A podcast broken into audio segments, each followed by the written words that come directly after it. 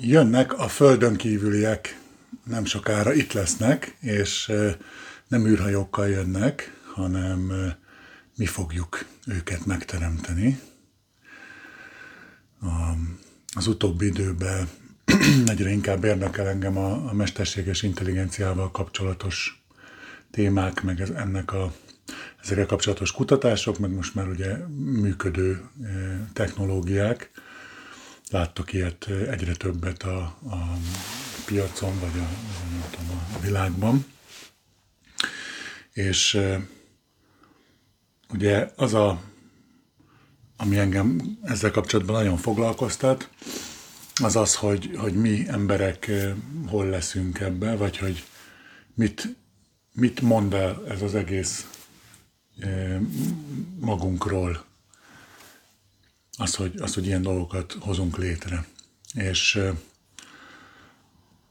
csak egy picit, hogy, hogy így gondolkodjatok velem ezen, hogy, hogy van például egy, egy olyan élethelyzet, hogy van egy pár, és mit tudom én, a, a fiúnak mondjuk problémái vannak azzal, hogy a, a, a viselkedését kontrollálja, elöntik nagy érzések, és akkor csúnya, sértő dolgokat mond a, a partnerének, és ő ezen tökre megsértődik, és ez egy állandó probléma a, a kapcsolatukban.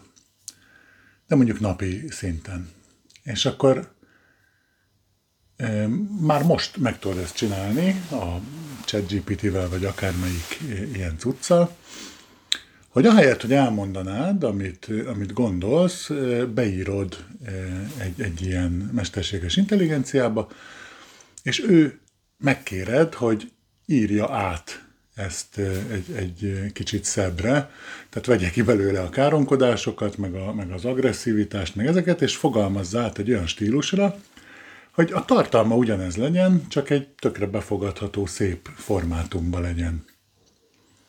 És akkor ezt adod át, mint információt a partnerednek. Most ez nyilván egy, egy, egy elvi szituáció, de hogy, hogy akkor kap egy olyan üzenetet ő, amit tökre be tud fogadni, ami kompatibilis vele és működik. Ugye? Hát ez tulajdonképpen egy, egy milyen szép dolog, mert használjuk valami szuperre ezt a, ezt a remek technológiát. De hogyha, hogyha egy kicsit fordítok a, a kaleidoszkópon, akkor már azt lehet látni, hogy oké, okay, de akkor akihez kapcsolódott ez a lány, ez, ez a fiú, ez kicsoda igazából? Vagy kihez kapcsolódott a lány igazából? Kik között van itt kommunikáció? Hiszen az az ember, aki, aki a srác, akinek ilyen indulatkezelési nehézségei vannak, ő ugye már nincs ott, hanem egy, egy, egy mutációja van ott, egy átalakított változata, amit az intelligencia meg, megmahinált úgy, hogy befogadható legyen. Tehát valójában kik, kik kapcsolódnak ebben a, ebben a helyzetben. De, de mondjuk mondok egy, egy másik példát, Például az Nvidia-nak kijött most egy olyan cucca, amivel meg, meg lehet azt csinálni, hogy egy videokonferenciában a, az intelligencia folyamatosan követi a, a szemedet, hogy merre, merre mozog, és mondjuk több monitor van előtted, e, ezen van a webkamera, és a másikon van mondjuk a szöveg, amit, amit, ami neked hasznos, vagy fontos, vagy nem tudom, munka szöveg. És akkor követi a szemedet a, a, ez, a, ez a megoldás, és folyamatosan a képen kitörli a, a szemedet a képről, és újra rajzolja úgy, hogy a szemed az mindig pontosan a kamerába néz. Megcsinálja így. És annak, aki veled beszélget ebben a helyzetben, az az élménye, hogy te így folyamatosan ő ránézel, jó, nem ilyen furán, ahogy az előbb csináltam, de szóval folyamatosan a szemébe nézel, és egy mély, személyes emberi kontaktust tartasz vele, hiszen a, a szemkontaktus az mindennek az alapja, ugye így a, a metakommunikációban.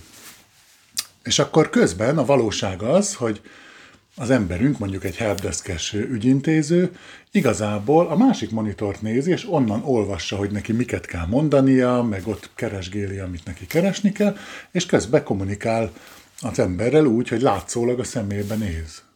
Na de akkor itt tényleg egymás szemébe néz ez a két ember? Mi van, hogyha a másik oldalon lévő ember szintén használ egy ilyen szoftvert?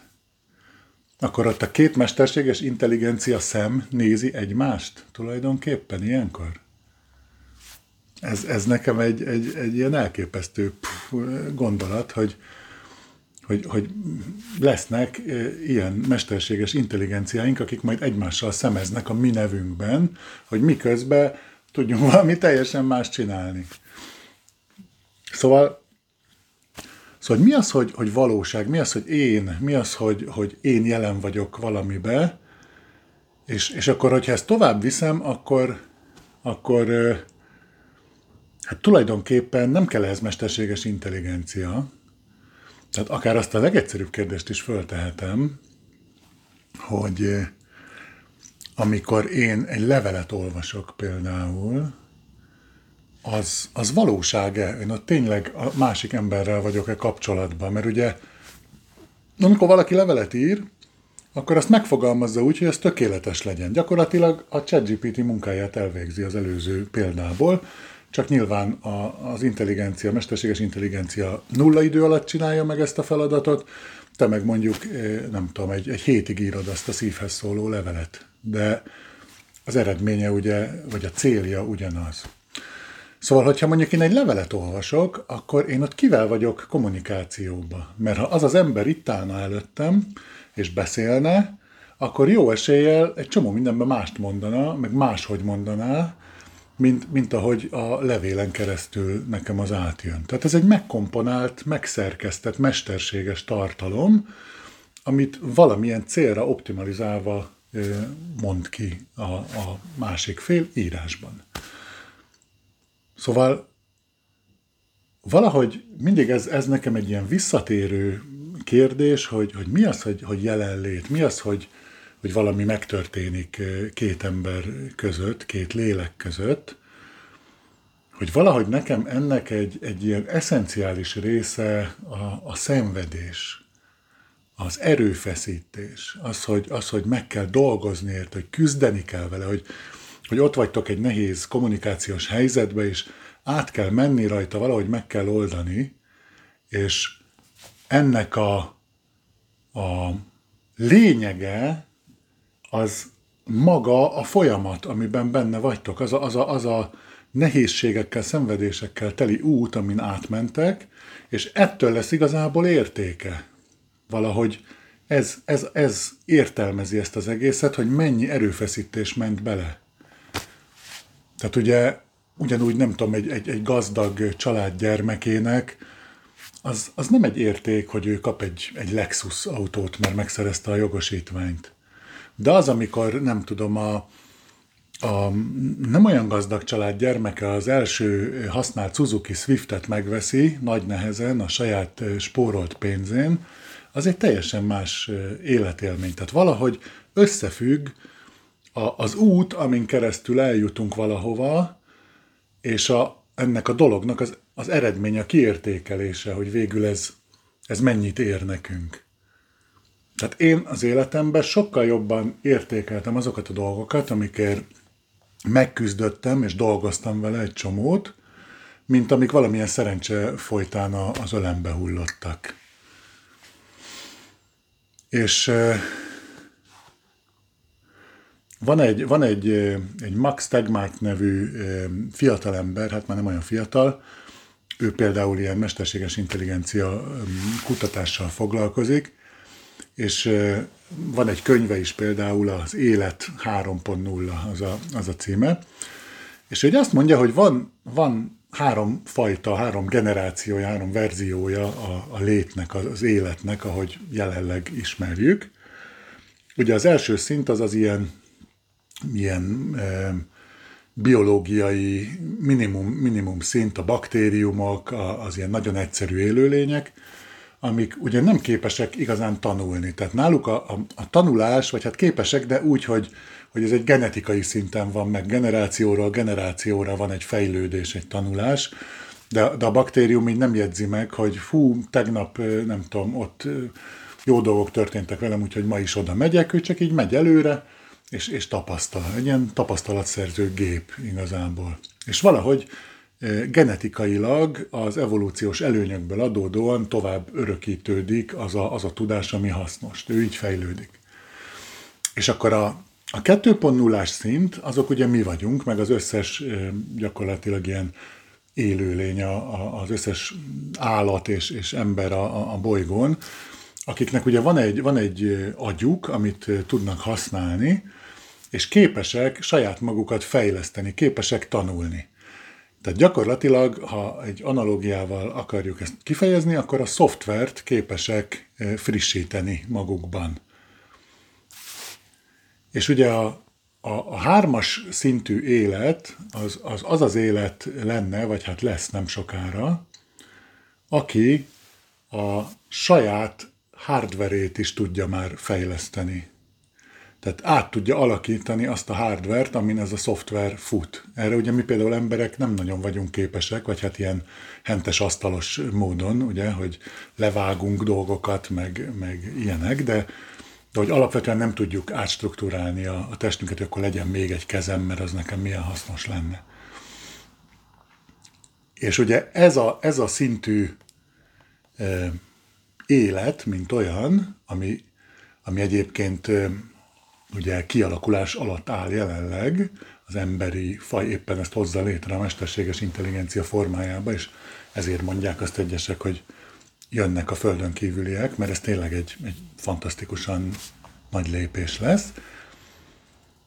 Ez, a, ez az életforma, ez gyakorlatilag halhatatlan, ugye? Tehát a, a szoftverét fej, frissíteni tudja állandóan, és a hardverét is frissíteni tudja állandóan, tehát gyakorlatilag tovább örökíti magát folyamatosan az idő végezetéig, és egyfolytában fejlődik, és tanul, és egyre jobb lesz, és egyre fantasztikusabb lesz. És ugye, hogyha, hogyha ebbe egy mélyen belegondolok, akkor nekem ez egy nagyon-nagyon mély eh, dolog, mert mit is, mit is jelent akkor ugye az, hogy, hogy, hogy élet, vagy hogy lét, vagy egy lény, aki, aki létezik, mert akkor ez egyre inkább kezd olyannak tűnni nekem, mint a, mint a hullámok a, az óceánon. Ahol ugye, hogyha kicsit tanulsz fizikát, akkor lehet tudni, hogy a hullámok azok nem úgy működnek, hogy a víz az megy balról jobbra, vagy jobbról balra, hanem úgy működnek, hogy egymáshoz képest elmozdulnak a, a vízmolekulák, föntebb, lentebb kerülnek, és ettől a szemet számára úgy tűnik, hogy egy hullám halad végig a, a, a felszínen, de az a hullám az nem, nem, nem maga a víz, mint anyag megy oldalra, hanem a hullám jelensége megy végig. Mint amikor ugye a, nem tudom, foci stadionban egy ilyen hullámot csinálnak a, a szurkolók, hát ott se az emberek mászkálnak jobbra-balra, hanem a, a hullám, mint információ szalad végig ezen a hardveren, hogyha úgy tetszik. És ugye, hát ez, a, ez, a, ez az érdekes nekem, hogy, hogy, hogy, hogy akkor maga a létezés az tulajdonképpen egy ilyen információs hullám, tehát egy, egy, egy ilyen folyamatosan tovább örökített tudás és az ebbe való állandó fejlődés. És, és ha igen, akkor ugye ott vannak például a, a meghalt szeretteink, hogy, hogy nem tudom, a, a nagyapám már nem él egy, egy jó ideje, de a, a vicceire, meg a, az ilyen kis jópofa beszólásáira mai napig emlékszünk, és idézzük a, a családban, és ettől az, amit ő létrehozott, az velünk él, az a hullám, amit ő keltett, az még mindig halad és generációkon keresztül fog haladni, és az én fiamnak is elmondom, hogy ezt a nagyapád mondta, és milyen vicces volt, és majd ő is elmondja az ő fiának, vagy nem tudom, lehet, hogy nem mondja el, de szóval értitek, hogy, hogy és ugyanígy minden, minden elődünknek a, a, a, a vívmányai, az egész emberi tudomány, az a, az a sok minden, amit mi létrehoztunk, az mind-mind egy, egy ilyen tudati hullám tulajdonképpen, hogyha ha úgy akarom, ami megy, megy a végtelenségbe. Ez a, ez a podcast, amit itt csinálok, ez is, ez is egy, egy ugyanilyen jelenség, hogy én valamit eh, kiteszek a, a világba, és ez tovább megy, és akkor is eh, fönt lesz az interneten, amikor én már nem élek. És valahol ez nekem egy nagyon elgondolkodtató dolog, hogy, hogy akkor mit is jelent az, hogy, hogy én, hogy, hogy, hogy akkor én igazából csak információkat hozok létre, információs hullámokat az élet tengerén, de hát akkor ki, ki az, aki ezt az egészet létrehozza, vagy, vagy érdekes-e az a kérdés, hogy ki ez, hiszen végső soron a, az érték az lesz, amit létrehozok, és egy, egy, nem tudom, egy Eiffel torony is tanúskodik arról, hogy aki azt építette, az micsoda fantasztikus elme volt, és hozzáad valamit a, a világhoz. Szóval ezen, ezen gondolkoztam most el, így a, a mesterséges intelligencia kapcsán, hogy, hogy akkor tulajdonképpen mit is jelent mit is jelent maga a létezés, és mit fog jelenteni egy olyan világba, ahol közeljövőben gyakorlatilag mindent az igényeink szerint tudunk alakítani, és bármilyen képet ki fogunk tudni alakítani magunkról, és lehet, hogy a, a egy ilyen 3.0-ás szintű életté alakulunk szép lassan, vagy annak a létrejöttében bábáskodunk, hogy ezt még nem tudjuk, hogy, hogy, hogy ez, a, ez a legjobb dolog lesz az emberiség történelmében, vagy a legrosszabb, ez majd még kiderül, de hát azt látjuk, hogy, hogy itt van a, a, a nyakunkon, és meg fog történni.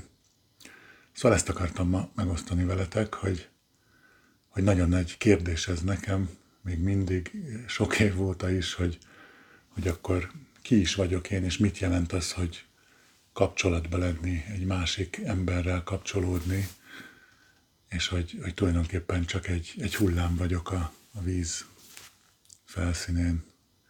Úgyhogy legyen szép napotok, sziasztok!